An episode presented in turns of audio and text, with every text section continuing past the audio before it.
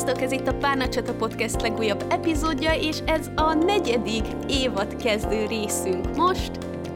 Uh, ja, én Viki vagyok. Sziasztok, én pedig Julcsi vagyok, és majd, majd belerázódunk újra. Nem mintha egyébként egy évvel ezelőtt vettük volna fel az utolsó epizódot a harmadik évadból, de úgy látszik, hogy van mit felejteni azért.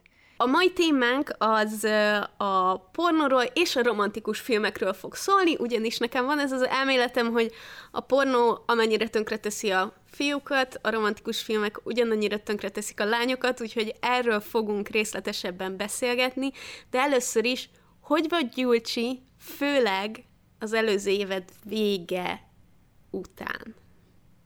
Ó, igen. Én nagyon jól vagyok most. Az a helyzet, hogy beköszöntött az ősz, most már tényleg, és nem csak úgy csinálok, mintha, és pulóverben izzadok itthon, hanem tényleg hideg van, meg hamarabb sötétedik, meg minden, és ez az időszak nekem uh, minden évben olyan, mintha újjászületnék konkrétan, nem tudom megmagyarázni, nyilván össze van a szülőnapom, meg szeretem a pulcsikat, de hogy van valami ennél sokkal mélyebb és spirituálisabb dolog ebben az egészben, ami miatt én sokkal motiváltabb és jókedvűbb vagyok, és minden szarságot, elnézést, hogy így fogalmazok, de minden problémát meg akadályt, ami így, így az utamba kerül, sokkal könnyebben tudok kezelni és megoldani, úgyhogy ez nekem egy nagyon nagy dolog.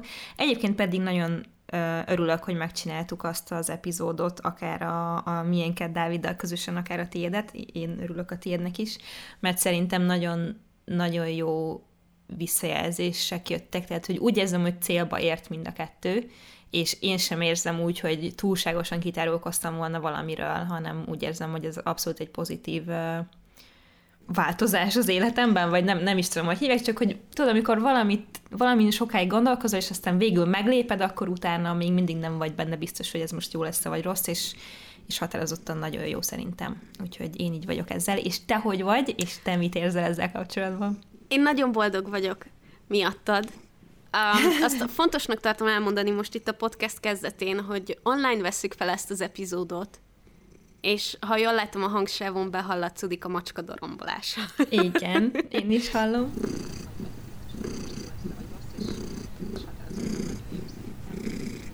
De ez egy nagyon megnyugtató hang, úgyhogy akkor jó. talán nem akkor, fogják bánni. Akkor marad úgyis elzsibbad a lábam nagyjából két percen belül, amikor le kell vennem minden a törökülésből, és akkor biztos el fog menni. um, én ennek az ősz dolognak kevésbé örülök.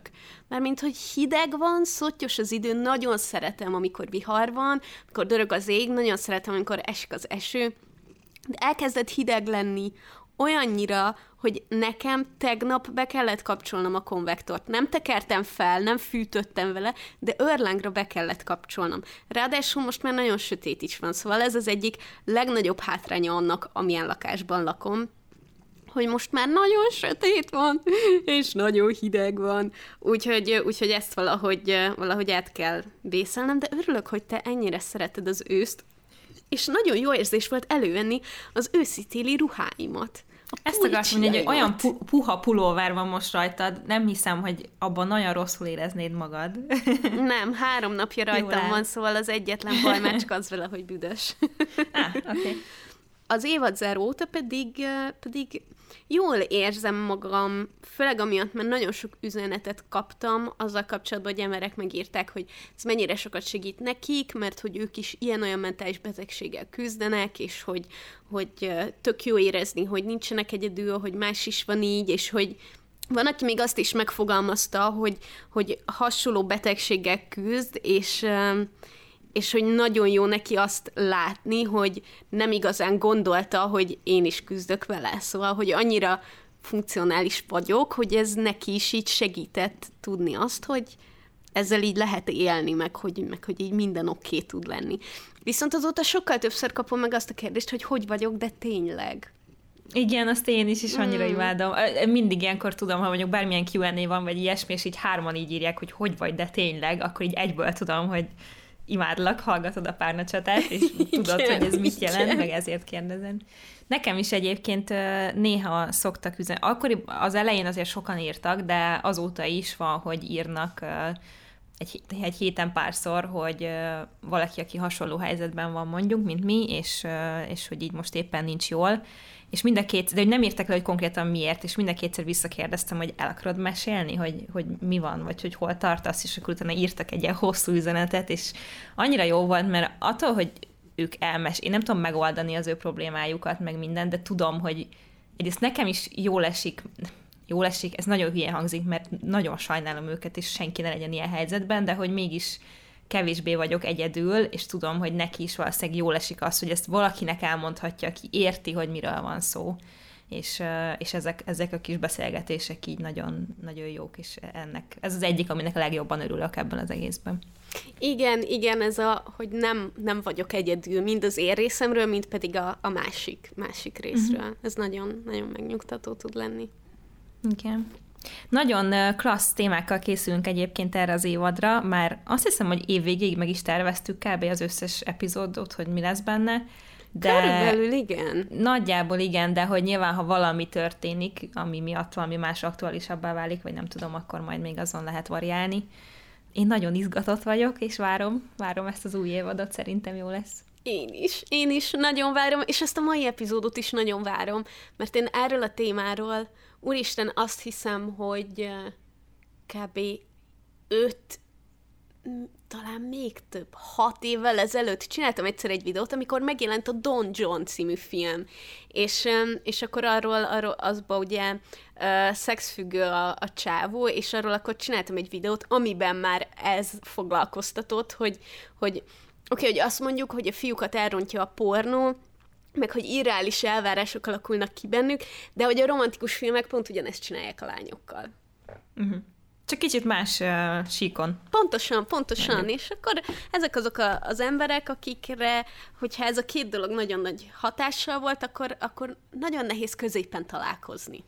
Felvezeted egy kicsit így az alap gondolataidat a témával kapcsolatban? Mert ezt te hoztad be, de ahogy mondtad, ez még az előző évad végén uh, jutott eszedbe, és mondtam, hogy ah, ez tök jó. Sosem gondolkoztam rajta, meg egy kicsit mindenkiben szerintem van valamiféle ilyen elképzelés ezzel kapcsolatban, vagy valamennyire ezt mindenki tudja, de hogy tök jó lenne egy kicsit tényleg kifejteni ezt a témát és beszélgetni róla, úgyhogy érdekel, hogy neked mi volt az alap, vagy mi, mi az, ami a legjobban ebben az egészben téged foglalkoztat.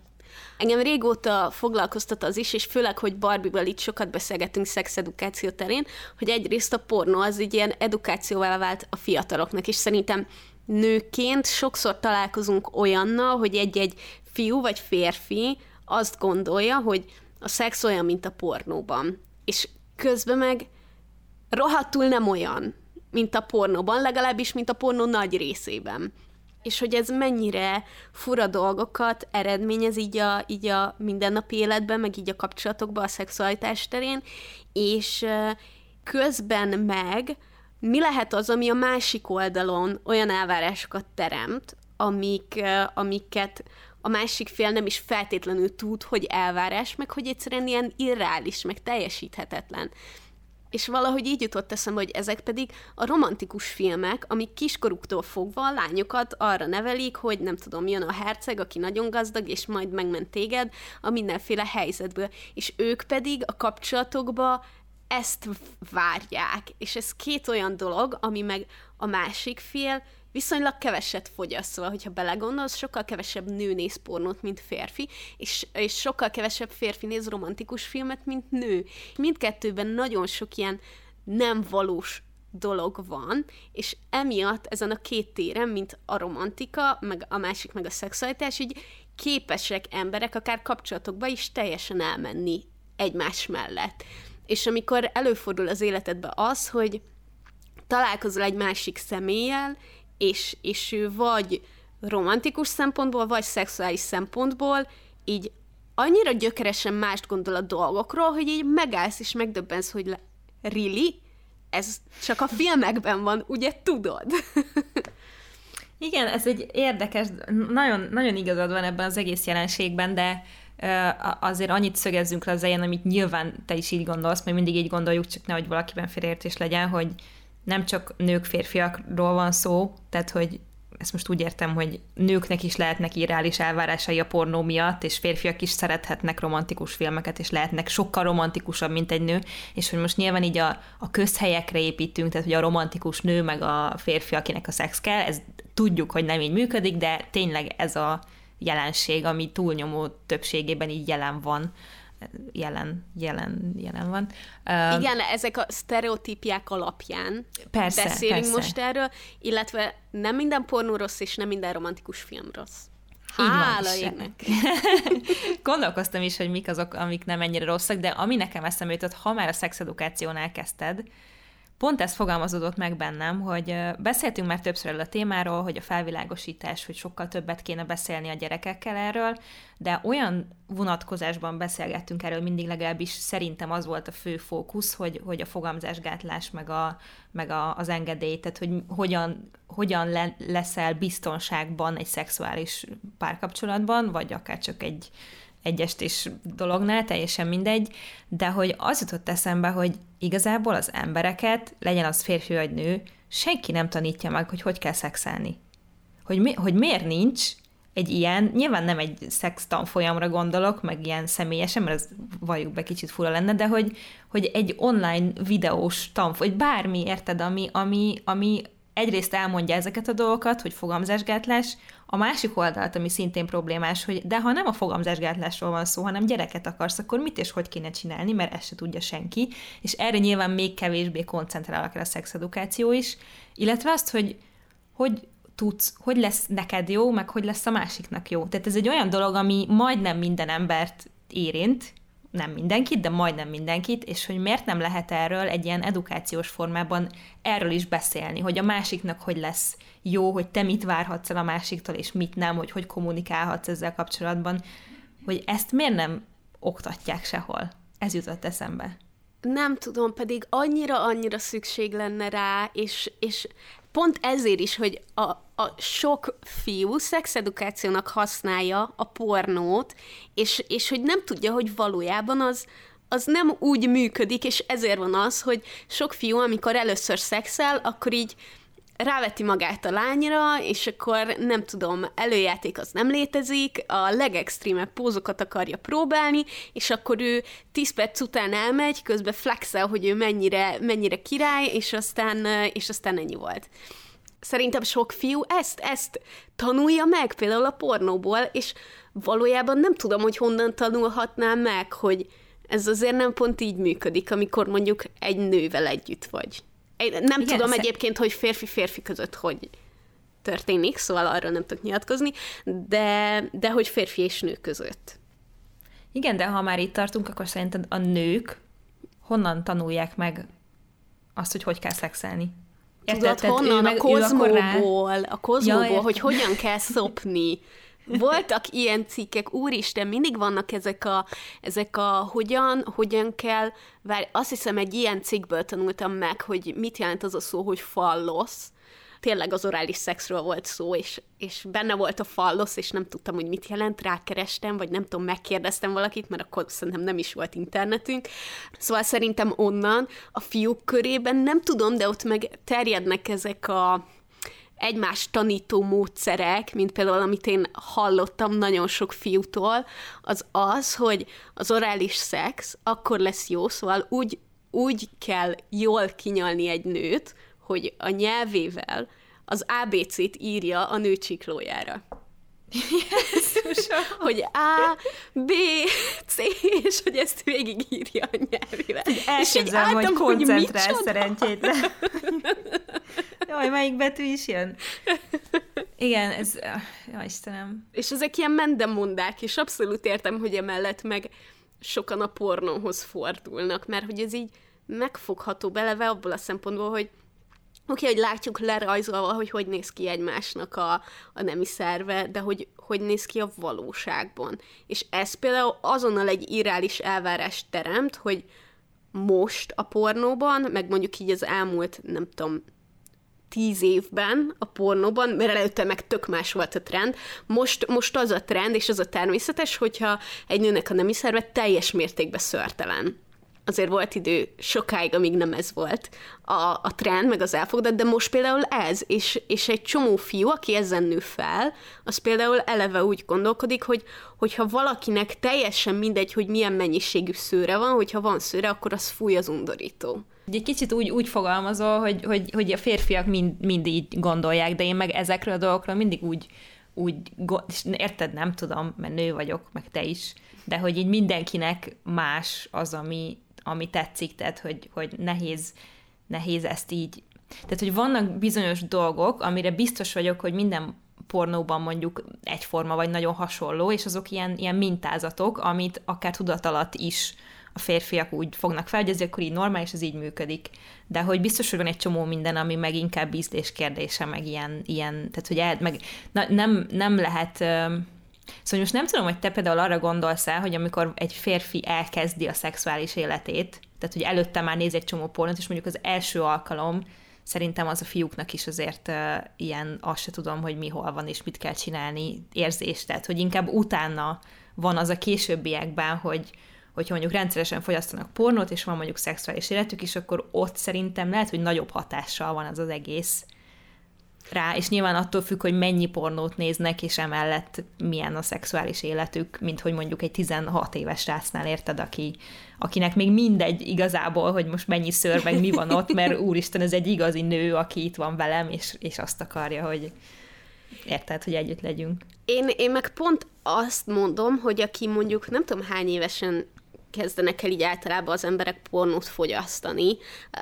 de hogy aki nagyon sokat nézett pornót úgy, hogy még sosem volt igazi nővel, és sosem látott igazi nőt, csak a pornóból látja, és abban kialakul egy ilyen, hogy hát mivel ő mindig ezt látja, ezért ez a természetes. És most nyilván nagyon nagy általánosságban beszélek, tehát mondjuk egy olyan 15 éves fiúról beszélek, aki három éve rendszeresen néz pornót, és hirtelen ott találja magát egy átlagos nővel, akinek akinek nem tudom, striája van, és, és rücskös a feneke, és lehet, hogy nincsen nullára leborotválva a nemi szerve, és nem tudom, lehet, hogy a bimbo udvara nagyobb, mint amit általában a pornóban lát, szóval, hogy szerintem akkor van egy ilyen megdöbbenés a későbbiekben, szerintem amikor valaki már él rendszeres szexuális életet, akkor szerintem sokkal kevésbé van rá kihatással, mint, mint még mielőtt ebbe belépnél, és még mielőtt tapasztalatod lenne, azt látod, hogy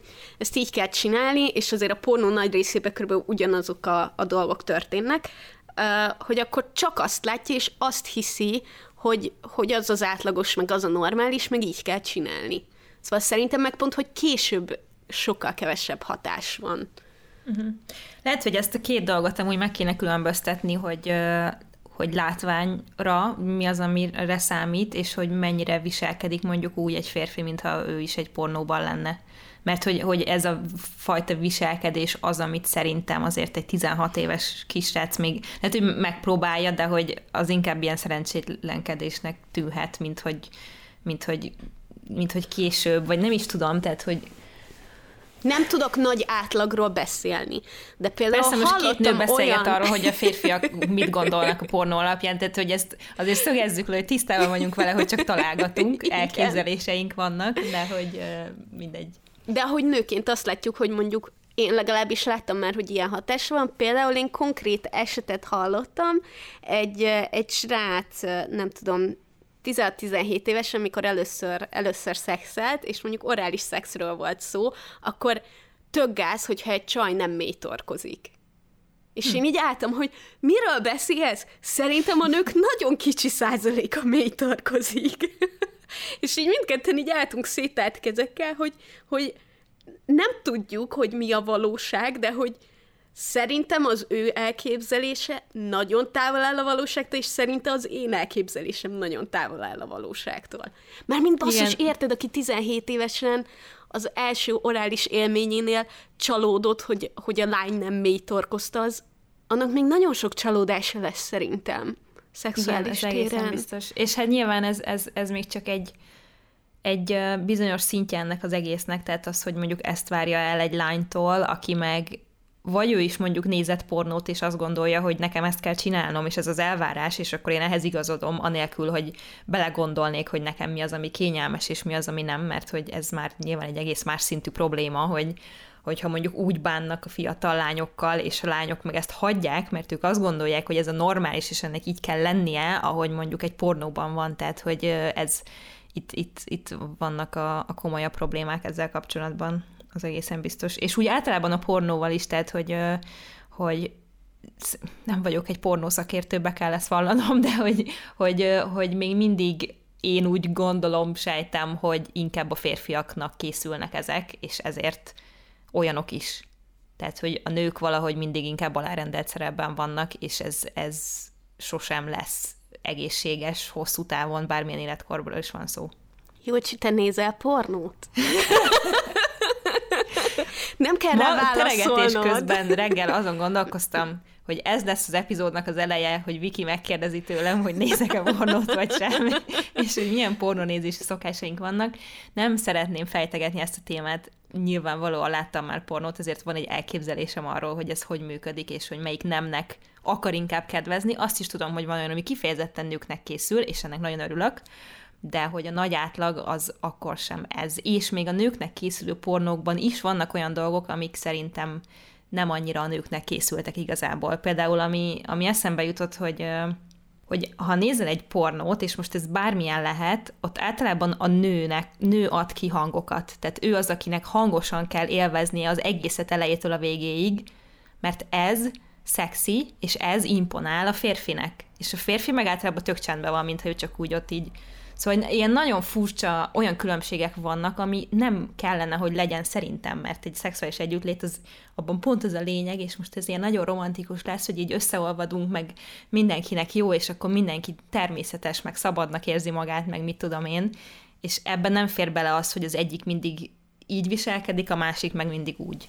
Tök jó, hogy ezt mondtad, mert eszembe se jutott, hogy ez a nyögés meg ilyenek. Mindenki más, és, és ugye vannak, akik nagyon hangosan szexelnek, én kevésbé hangosan, és régen, amikor még rám is tök nagy hatása voltak ezek a dolgok, akkor volt, hogy így próbáltam, hogy hangosabbnak lenni, mert akkor az nagyon szexi, és közben, hogy így arra gondolok szex közben, hogy hangosabb legyek, nem pedig a szexre, és arra, hogy ezt élvezem, szóval ilyen nagyon-nagyon fura volt, és mindenki tök más, és mindenkinek úgy kéne csinálni, ahogy neki jól esik, meg ő élvezi. Egyébként abban igazad van, hogy mondjuk, hogyha felmegy az ember egy pornhábra, akkor nyilván a 90% az olyan, ami, ami a férfiaknak tetszik, és vannak nagyon-nagyon jó női pornókészítők, és vannak jó női pornók, szóval most már egyébként a, a pornhábon van Popular with Women, vagy valami ilyesmi, ilyesmi menüpont, és mondanám, hogy egy ismerősöm mesélte, de azt hiszem, azt hiszem, ezt itt elengedhetjük. Nagyon nehéz olyat találni, ami nem az, ami, ami megy a férfi és megbassza a nőt. Mert mm-hmm. hogy mhm. a legtöbben ez történik. Arról nem is beszélve, hogy, hogy ott pedig a pornóban a, a 99%-ban legalább, hogyha két nő szexel, akkor az azért van, hogy felizgasson egy férfit, nem pedig nem pedig azért, mert amúgy a nők egymással úgy szexelnének. Ebben mi a különbség? Tehát, hogy az, hogy ott van egy férfi is, vagy ha csak két nő van benne, akkor sem ugyanaz, hogyha férfinak csinálják, meg nőnek szerinted? Igen, igen, igen szóval, hogy férfinak készülő pornó, hogyha van ott férfi, vagy nincs ott férfi, az tök mindegy, azt úgy csinálják, hogy, hogy egy néző számára ez tök vonzó legyen, de ez minden szempontból így van, tehát nem csak nő-nővel, csak ott azért így, így kifejezetten ö, leszbikusok legfőképp azt mondják, hogy rohadtul nem így működik, és nagyon nem így néz ki, de alapvetően a porno az egy ilyen nagyon vizuálisan nagyon vonzó dolgot próbál így, így csinálni. Szóval nyilván az a vizuális, legfőképp így a vizuális izgatásról szól. És ezért van az, hogy általában nagyon-nagyon szép nők, és hogyha megnézed, akkor, akkor férfiak, van, hogy a férfinak a fejét nem is látod. Vagy szerintem ilyen, szerintem ilyen iszonyatosan kiábrándító, amikor ott van egy, nem tudom, 23 éves, fiatal, kurva jó testű nő, és akkor egy 50 éves, picit pocakos csávó rakja hátulról. És így mi? Mert hogy látszik szerintem ebből, hogy a férfiak valószínűleg nem annyira koncentrálnak mondjuk a férfiakra az egész így nem reális. Tehát az, hogy, hogy, hogy mindenki tökéletesen néz ki. Az, hogy nem izzadnak meg az emberek, hogy nincsenek testnedvek, hogy nincsen semmi hang, átlagos dolgok a, a bakik a, az ember normális szexuális életében. Szóval, hogy nem tökéletesen történnek a dolgok, és igenis van, amikor kiröhögöd a másikat, mert valami olyasmi történik. Igen, mondjuk viszont ezeket a dolgokat, tehát ami, amit mondtál, ez a példa is, meg az előző, hogy találkoztál olyannal, akinek így fogalmasa volt erről, nem a pornó feladata, hogy ezt bemutassa vagy megtanítsa, hanem ez már szerintem egyrészt a szexedukáció problémája még mindig, másrészt azért, hogy nem tudunk beszélni a szexről értelmes felnőtt ember módjára. Tehát, hogy én ezt nem tudom, hogy miért lett ez ekkora hogy miért ekkora tabu ez az egész. Nyilván azt értem, hogy bárkivel nem akarod megbeszélni a szexuális életedet, de hogy, hogy azért egy csomó olyan dolog van, amivel amiről barátok között igenis, nagyon is érdemes lenne beszélni, mert, mert, mert honnan tudnád úgy mégis? Tehát, hogyha nem olvasol el egy tankönyvet a szexről, vagy nem nézel meg egy nem tudom mi, akkor egy csomó dolog van, amit nem ismersz, nem találkozol vele, mert senki nem tud valamiről, amiről még, amivel még sosem találkozott, érted? Hogy konkrétan tapasztalat útján tanuljuk meg az egészet, és az, hogy kinek milyen tapasztalatai vannak, az nagyon-nagyon-nagyon sokban különbözik, és nagyon sokrétű lehet. Tehát, hogy annyira véletlenre van bízva ez az egész, onnantól kezdve, hogy fogamzásgátlás és odáig, hogy hogy lehet ez jó igazából, és hogy kéne viselkedni, és hogy kéne bánni a másikkal, hogy ez nagyon nem jó, és nyilván ezért, ezért is fordulnak sokan a pornóhoz, gondolom én.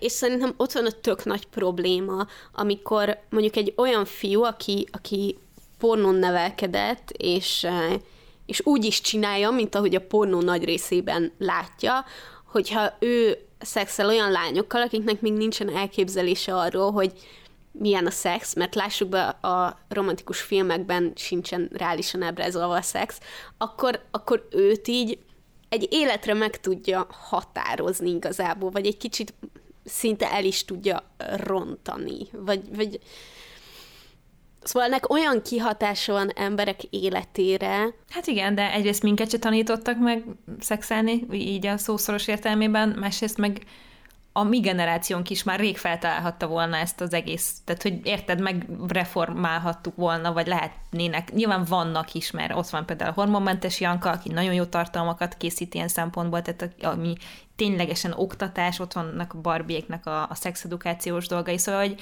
vannak ilyen fajta próbálkozások, de az, hogy ez, ez komoly hatással legyen arra, hogy az emberek hogy néznek erre az egészre, és hogy viselkednek a szexuális életükben, az még nagyon-nagyon messze van. És ez, ez, ez nem, annyira, nem annyira király. Szerintem tök egyértelműen látszik ez a, ez a folyamatos fejlődés, és ez nagyon király, és talán ezt kéne tovább vinnünk, hogy igenis beszéljünk róla még többet, meg még többet, meg még többet. Mert azzal tudunk változást elérni, és látszik, hogy ez folyamatosan változik, akár már csak attól, hogy mi itt ülünk és beszélgetünk róla. Amikor két ember a valóságban együtt van, azért ott sokkal több, nem csak sokkal több kommunikációnak, de sokkal több érzékenységnek kell történnie, abból a szempontból, hogy, hogy a másik szeretné ezt egyáltalán nem szeretné, mit és hogyan szeretne. Tehát szerintem ez sokkal inkább egy ilyen közös játék a valóságban, mint ahogy például a pornó bemutatja. Igen, abszolút. De ha már itt vagyunk, és szerintem át is evezhetünk egy kicsit a romantikus filmekre, mert hogy ott is pont az a probléma, hogy, hogy nyilvánvalóan nem realisztikus az egész történet. Általában, ha most egy, egy, egy basic, klasszik romantikus filmet nézünk, mert ott meg pont, hogy az érzelmek vannak kb. és semmi más, tehát, hogy a valóság, mint olyan, az nem, nem játszik szerepet ebben az egészben, és nyilvánvalóan ez bizonyos szempontból teljesen érthető mind a kettő kategóriánál egyébként, mert, mert a pornó az arra van, hogy felizgasson valakit, a romantikus film meg arra van, hogy, hogy elsírhass magad rajta, és akkor jól esik a lelkednek, és kész. Tehát, hogy, hogy alapvetően nem szabad ezekre úgy gondolni, de mégis biztos, hogy ha máshogy nem, akkor tudat alatt igenis hat a nézőre az, hogy mit lát ezekben a filmekben, és hogy mennyire egy sémára vannak felépítve, én már egy párszor elmondtam ezt, de lehet, hogy még itt a podcastben nem, hogy nekem, a leg... én nagyon szeretem a romantikus filmeket, így tök jól én is ki tudok rajta kapcsolni, az eszképizm, amire kerestem egy magyar megfelelőt, és eszképizmust találtam. Tehát, hogy ugye az a jelenség, amikor, amikor belemenekülsz valamibe, és ez különösen igaz lehet szerintem a romantikus filmekre, hogyha a saját életedben valami nincs meg, vagy éppen nem jól működik, vagy nem tudom, akkor jól esik látni azt, hogy egy képzeletbeli valóságban ez hogyan működhetne, vagy veled is majd egyszer talán így lesz, vagy bármi, tehát hogy erről ebben így elmerülni, ez egy jó érzés, és ezzel nincsen semmi baj. De ami nekem a bajom a romantikus filmekkel, ahol a valóság hiányzik nekem belőle, hogy majdnem kivétel nélkül az a végük, az a happy end, hogy összejönnek, barátkoznak, izé, jaj, mélypont, szakítanak, mégse lesz jó, és aztán a végén, az utolsó három és fél percben összejönnek, és akkor most már minden rendben lesz. És az a baj, hogy ez nem a szerelem, ez, ez a vonzódás, meg a vágy, meg a tetszik a másik, meg a szenvedély, de a szerelem, meg a párkapcsolat az hosszú távon dől el és derül ki. És én általában nem arra vagyok kíváncsi, ha most tényleg szeretnék egy szerelmi történetet megnézni, nem azért, hogy csak úgy kikapcsoljak, hanem mert érdekel, hogy hogy működik, milyen dinamikák vannak benne, akkor én az ez után következő részt szeretném látni. Amikor összejöttek, és akkor most mi van? És akkor hogy küzdenek meg a kapcsolat elejé problémákkal, a, az összeköltözéssel, milyen, milyen lesz ez hosszú távon, milyen problémák merülnek fel, és ezért nekem egyébként ezek a kedvenc filmjeim, amik inkább erről az időszakról szólnak.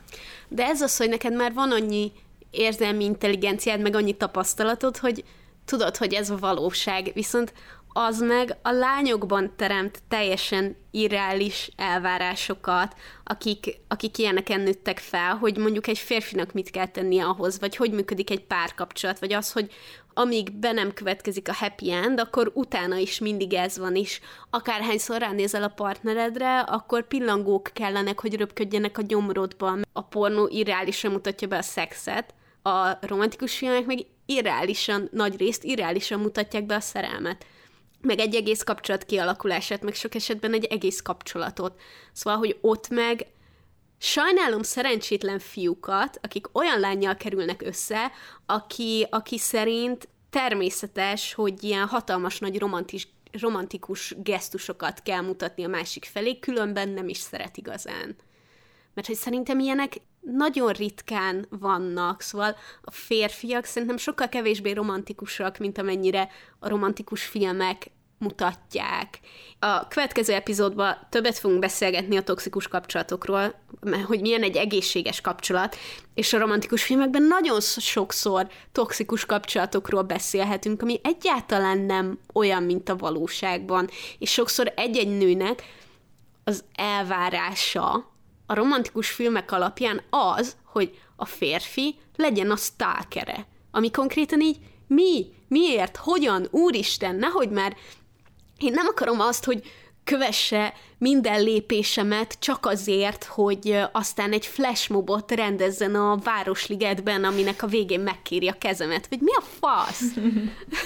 Igen, ez, ez nyilván nagyon, nagyon ilyen torz dolog, de hogy az a baj, hogy szerintem ez manapság már tényleg nem annyira jellemző, hogyha egy férfinak megtetszik egy nő, akkor ő addig nyomul, amíg a nő, tehát hogy egy nő mondjuk azért mondana nemet egy férfinak, mert hogy ő szeretné, hogyha, hogyha rá így nyomulna. Tehát, hogy szerintem ez egy ilyen klasszikusabb, régi módibb elképzelés. Tehát, hogy manapság én legalábbis magamból indulok ki, ha valaki nekem udvarol, már ez a szó is érdekes, oh. és nekem ő bejön, akkor én nem fogom őt lekoptatni, megváratni, azt mondani, hogy nem, mit tudom én, érted? Tehát, hogy ez most már szerintem egy sokkal természetesebb és őszintébb kommunikáció kell, hogy legyen, annál, mint hogy, hogy a férfi teper, mint az állat, és akkor a nő a végén azt mondja, hogy na jó.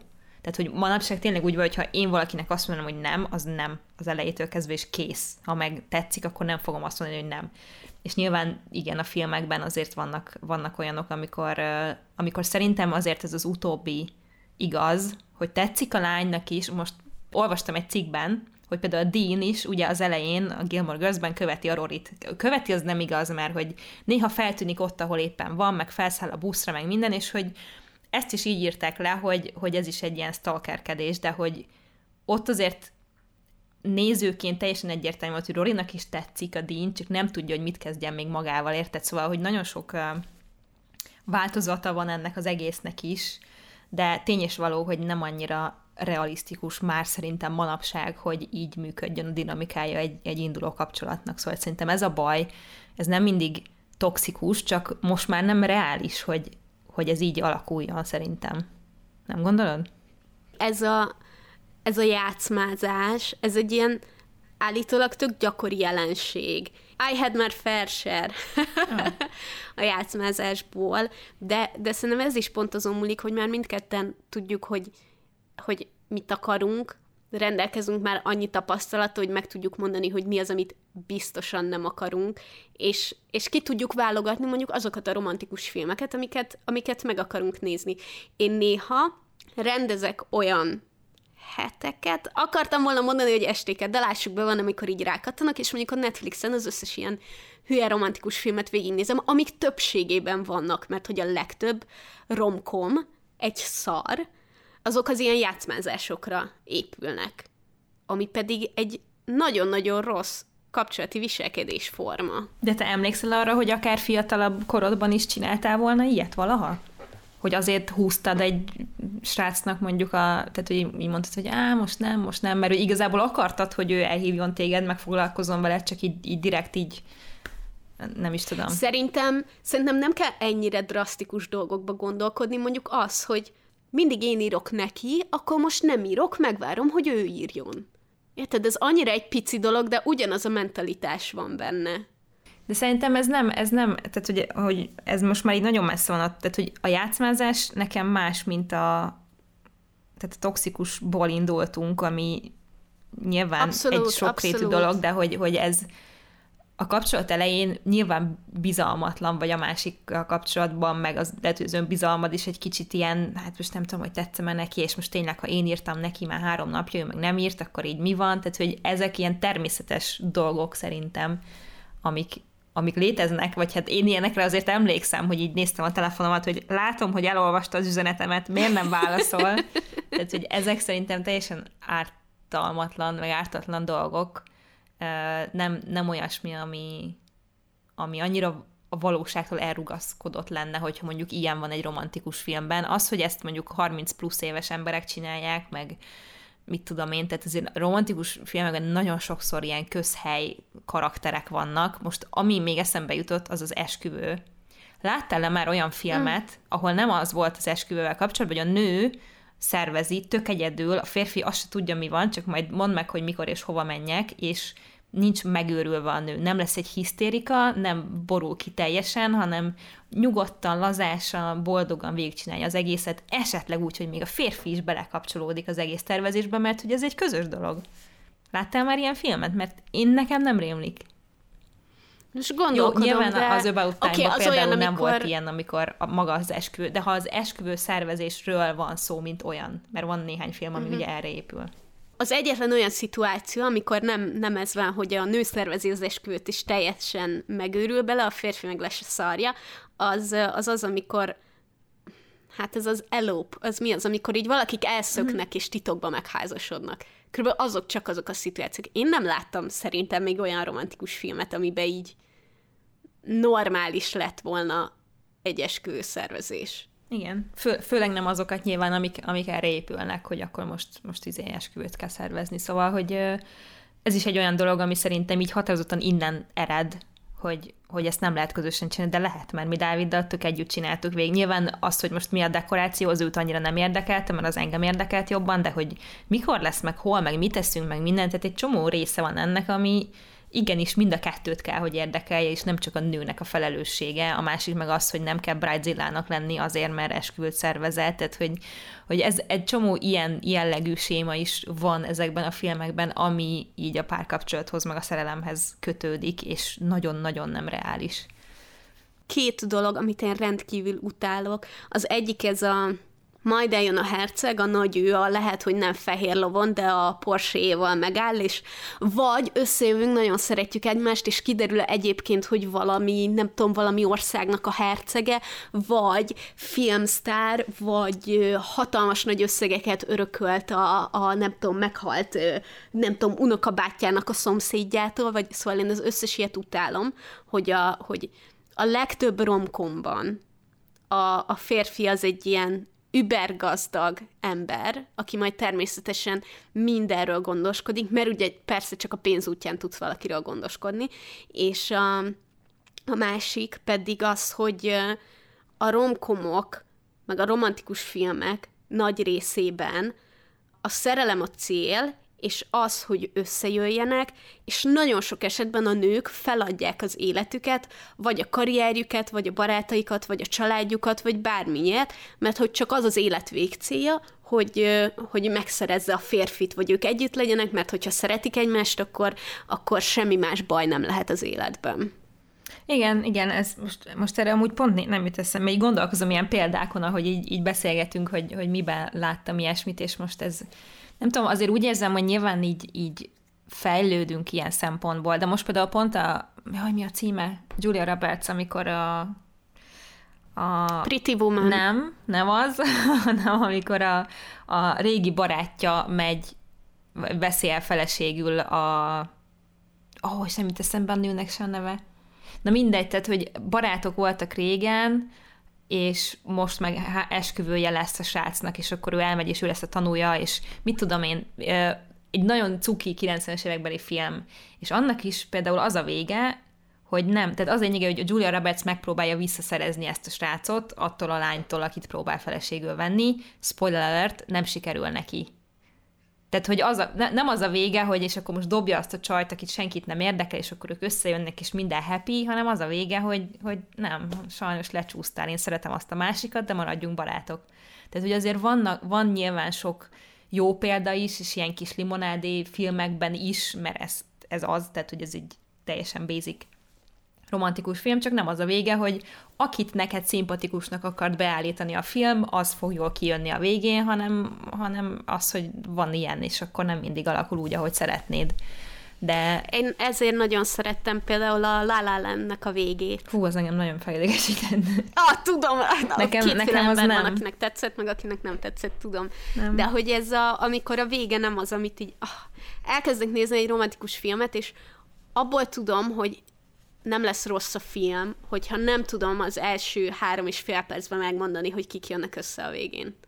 Mert hogy így elkezdesz nézni egyet, és, és automatikusan tudod, automatikusan tudod, hogy mi a vége, hogy mi lesz ennek az egész filmnek a lefolyás. És amit te is mondtál, hogy ez a összejövünk, minden nagyon jó, történik valami, ami miatt szétmegyünk, és akkor ott valami nagyon nagy konfliktus lesz, és egyébként romantizálják a drámát, meg a konfliktust, és nyilván az megoldódik, és happy end a vége. Egy szerintem nem jó tanulsággal rendelkező film, de ha nagyon szeretnék sírni, akkor a szerelmünk lapjai. Uh-huh. De hogy így mennyire tartod reálisnak, hogy, hogy egy, egy fiatal fiú meg egy lány találkoznak, egy nyarat így végig, úristen, jaj, de szerelmesek, mennyire heves, mennyire szenvedélyes ez az egész szerelem, és akkor eltelik érted körülbelül több mint tíz év, vagy húsz év, vagy nem tudom, és a, a nő éppen férhez menne valaki máshoz, de, de hogy újra találkoznak, és a férfi az egész életét azzal töltötte, hogy építsen a nőnek egy házat, meg mit tudom én, és hogy az alatt, a, amit tinédzserként egy hónapot megéltek, az alapján ott hagyja azt, akivel amúgy azt a döntést hozta, hogy össze akarom kötni az életem vele. Én azért nem tartom ezt lehetetlennek, de biztos csak a romantikus lélekben nem, mert uh, ott azért sokat számított a társadalmi uh, hogy mondják, ez beosztás, vagy hogy mondják ezt, igen, tehát, hogy, igen. hogy milyen helyzetben vannak, hogy, hogy, hogy ott azt azért a lányt ott a szülők szakították el onnan, a fiú meg ilyen tipikusan ott maradok, nem megyek innen sehova. Tehát, hogy nekem az még úgy uh, úgy meg, megvett engem az a dolog. Nem meg... idegesít, mondom, igen. én nagyon szeretem azt a filmet. Igen, igen. Csak hogy egyszerűen így nem realisztikus. Hát, És igen. sokszor érted így lányként arra várni, hogy úristen a gimibe egy fiú úgy rám nézett, akkor majd biztos meg fog keresni Facebookon, és rám ír, és találkozunk, és örök szerelem. Igen, de közben meg erről nem olyan rossz azért álmodozni szerintem így annyi idősen. Szóval, hogy valahogy így benne van az is, hogy, hogy hogy kell, kell egy kicsit ilyen, ilyennek lenni, vagy e, erről így ábrándozni, hogy milyen lenne, ha csak hát tényleg, hogyha valaki nem tud különbséget tenni, és biztos, hogy vannak ilyenek, és, és olyan biztos, hogy, tehát amiről konkrétan beszélünk, hogy irreális elvárásai vannak, ez biztos, hogy egy létező dolog, de, de valahol meg mégis nem, nem csak rossz ez, tehát hogy, hogy, jó, hogy jó, hogy van ilyen. Ami, ami nekem nagyon tetszik ilyen szempontból, most csak eszembe jutott néhány film, a Life Itself, amit nemrég láttam például, az HBO-n fent van, zseniális ez a film, és az, az így egy hosszabb történet, tehát hogy nem csak a jaj, szerelem összejövünk vége a filmnek, hanem hogy utána mi van, tehát hogy az, az egy hosszabb kapcsolatról szól, egy, egy egész ember életről, vagy életútról gyakorlatilag, és nagyon-nagyon szépen öm, kezelnek minden olyan dolgot, ami, ami így a valóságban is van, és ezt nagyon jó látni. A Mary Story, ami szerintem fantasztikus, ah, ugye a házassági történet. Nyilván vannak filmek, amik a szerelemről inkább úgy szólnak, mint ahogy az a valóságban van, csak ezek általában drámák és nem vígjátékok. um, de hogy ettől függetlenül tök jó, hogy van ilyen. Aztán eszembe jutott még a This is 40, azt nem tudom, hogy láttad-e. Nem emlékszem. Isten, zseniális az a film. Az is egy vígjáték, de az meg arról szól, hogy, hogy 40, 40-et tölti be éppen a nő, és egy családja van, tehát férje, meg gyerekei, és hogy akkor abban az időszakban milyen egy párkapcsolatban lenni, amikor már 20 éve házasok vagytok, meg majdnem már nagyobb gyerekeitek, meg mit tudom én, és ezek is olyan dolgok, amiről nem beszélnek a filmek, érted? Mert hogy sokkal jobb egy éppen családalapítás előtt álló, meg fiatal, kamasz, izé, összejönnek szerelem, mi történik, mint egy már benne vagyunk ebben 10-20 éve, és akkor most milyen az az egész, úgyhogy az is zseniális.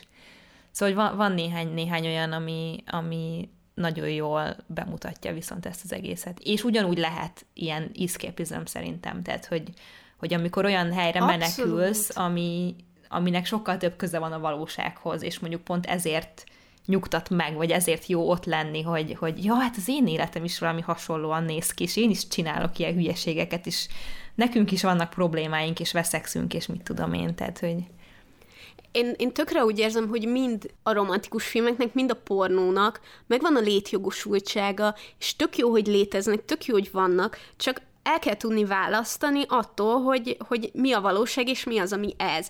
És szerintem tök jó lenne sokkal, mindkét kategóriából sokkal több olyat nézni, ami valamelyest közelebb van a valósághoz, mint amennyire az átlagos ilyen jellegű filmek. Nekem egyébként a kedvenc romantikus filmem, a kedvenc romantikus filmem, az a Brooklyn. Ó, oh, jaj, mi volt ez a reakció? Nem tudom, én láttam, és, és nem nagyon hagyott bennem semmiféle nyomot érdekes módon. Annyira tetszik nekem abban a filmben, hogy így a kicsit így a nyugodtsága, és az, hogy, hogy teljesen realisztikusan mutatja be. Például azt, hogy um, nem tudom, nem a parkban a flashmobot szervezi a csávó, hogy egy szájvirágot odaadjon, hanem munka, a munka után megvárja a fiú a lányt, és akkor hazakíséri, és közben beszélgetnek, hanem ezek a gesztusok például abszolút megvannak benne, csak a realitás talaján maradva. És az is nagyon tetszik, hogy, hogy ugye amikor hazamegy a lány, és akkor találkozik egy ilyen kísértéssel, akkor, akkor az sincsen felfújva, hanem igen, ott van egy másik ember, aki tetszik, aki nagyon kellemes társaság, akivel lehetne valami, de, de, nem, de nem egy felfújt dolog, nem egy megérkezett a milliárdos filmszínész, aki azt mondja, hogy kiszúrtalak a tömegből, te, te leszel az új filmem főszereplője, és első pillantásra belét szerettem. Hanem, hanem ott is egy ilyen, egy ilyen teljesen átlagos konfliktus kerekedik egyébként. Uh-huh. És én ezért nagyon szeretem ezt a filmet, meg a végét is nagyon szeretem, hogy ez a konfliktus hol van, hogy van feloldva. Én ezt azért imádom, mert ugyanúgy keresztül megyek ezeken a, az érzelmeken, és ne érts félre, meg ne értsetek félre hallgatók, imádom a romantikus filmeket, imádok rajtuk sírni, és imádok rajtuk röhögni, amikor annyira közhelyesek, hogy nem tudok már mit tenni. De ezek az olyanok, amik tényleg megmaradnak bennem. Amik, amiken nem az, hogy jaj, ha-ha-ha jót nevettem, vagy ha-ha-ha jót sírtam, hanem ami ugyanúgy megteremtette bennem azokat az érzéseket, csak egy, csak egy sokkal a normálisabbhoz közeli szinten. Mm-hmm. És szerintem ez ugyanez, ugyanez vonatkozik a pornóra is. Nekem, nekem az About Time ilyen, ilyen például, ami, ami olyan ismerős érzés, meg olyan, olyan most annak ellenére, hogy idő, időutazás van benne, de hogy ez tök mindegy, mert a, a, szerelem, a szerelemmel kapcsolatban ez nem egy fontos tényező, de tehát abszolút hozzá tudnak adni az emberhez, és még tanítani is tudnak szerintem a jól megcsinált romantikus filmek, vagy akár a pornó is, ezt nem tudom, biztos, hogy tud az is tanítani jó dolgokat embereknek, hogyha, hogyha jó a hozzáállás is, meg maga az is, ami, amit, amit néz az ember. Úgyhogy, ja. De mindegy, ettől függetlenül erről érdemes beszélgetni szerintem, csak úgy általában, mert simán lehet, hogy az emberre hatással van, csak nem tudja, és, és ezért ilyenkor, hogyha egy kicsit így helyre rakjuk a dolgokat, akkor ez, ez tök, jól, tök jól tud működni. Valójában ugyanúgy, mint mind a két kategória filmek, a filmek alapvetően, meg, meg a könyvek, meg minden ilyen történet, azért jó, mert egy, mert egy nagyon kontrollált környezetben tudsz átélni dolgokat. Szóval, hogy nem a, nem a valóságban éled át, nem, nem a valóságban törik össze a szíved, nem, nem a valóságban ér akkora tragédia, vagy nem a valóságban történik egy, nem tudom, akár hogyha akciófilmről, vagy, vagy valami gyilkosságról, vagy bármilyenről beszélünk, vagy háborús film, vagy nem tudom, hogy egy kontrollált környezetben le tudod szimulálni ezeket az érzéseket, és át tudod őket élni.